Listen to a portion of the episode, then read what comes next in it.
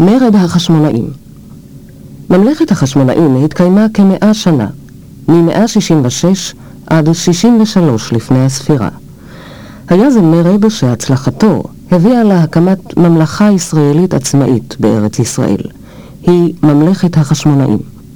חג החנוכה מסמל את ניצחון החשמונאים על היוונים לבית סלבקוס.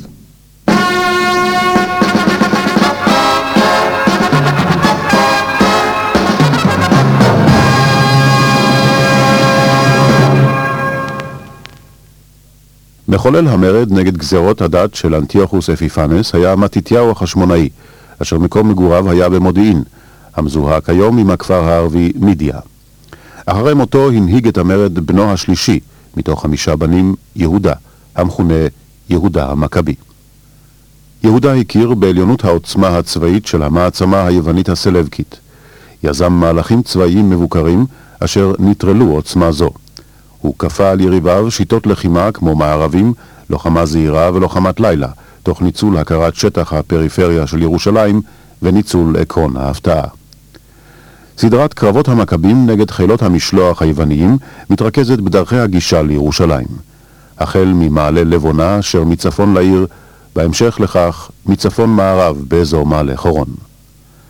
בשנת 164 לפני הספירה, לאחר קרב ההכרעה ליד בית צור מדרום מערב לחברון, נכנס יהודה המכבי כמנצח לירושלים. טיהר את בית המקדש, ומאז נחוג חג החנוכה, לזכר ניצחונות החשמונאים על אויביהם ולזכר חנוכת בית המקדש. עצמאותה הלאומית של יהודה הייתה אירוע חשוב, אולם שוב נוצרה מחלוקת בין תומכי המרד ובין המתייוונים, שהעדיפו את התרבות ההלניסטית ולכן הזעיקו חילות מצב סלבקים כדי לדכא את המרד. באחד הקרבות עם חילות משלוח סלבקים נפל יהודה המכבי. הנהגת המרד הועברה לאחיו יהונתן, ולאחר נפילתו לאחיו שמעון. אשר המשיך לבצר את ירושלים, בירת ממלכת החשמונאים, ואת ממלכת יהודה, מפני היוונים הסלבקים. לקראת סוף המרד החלה הממלכה הסלבקית להתפורר עקב קרבות כושלים עם האשורים.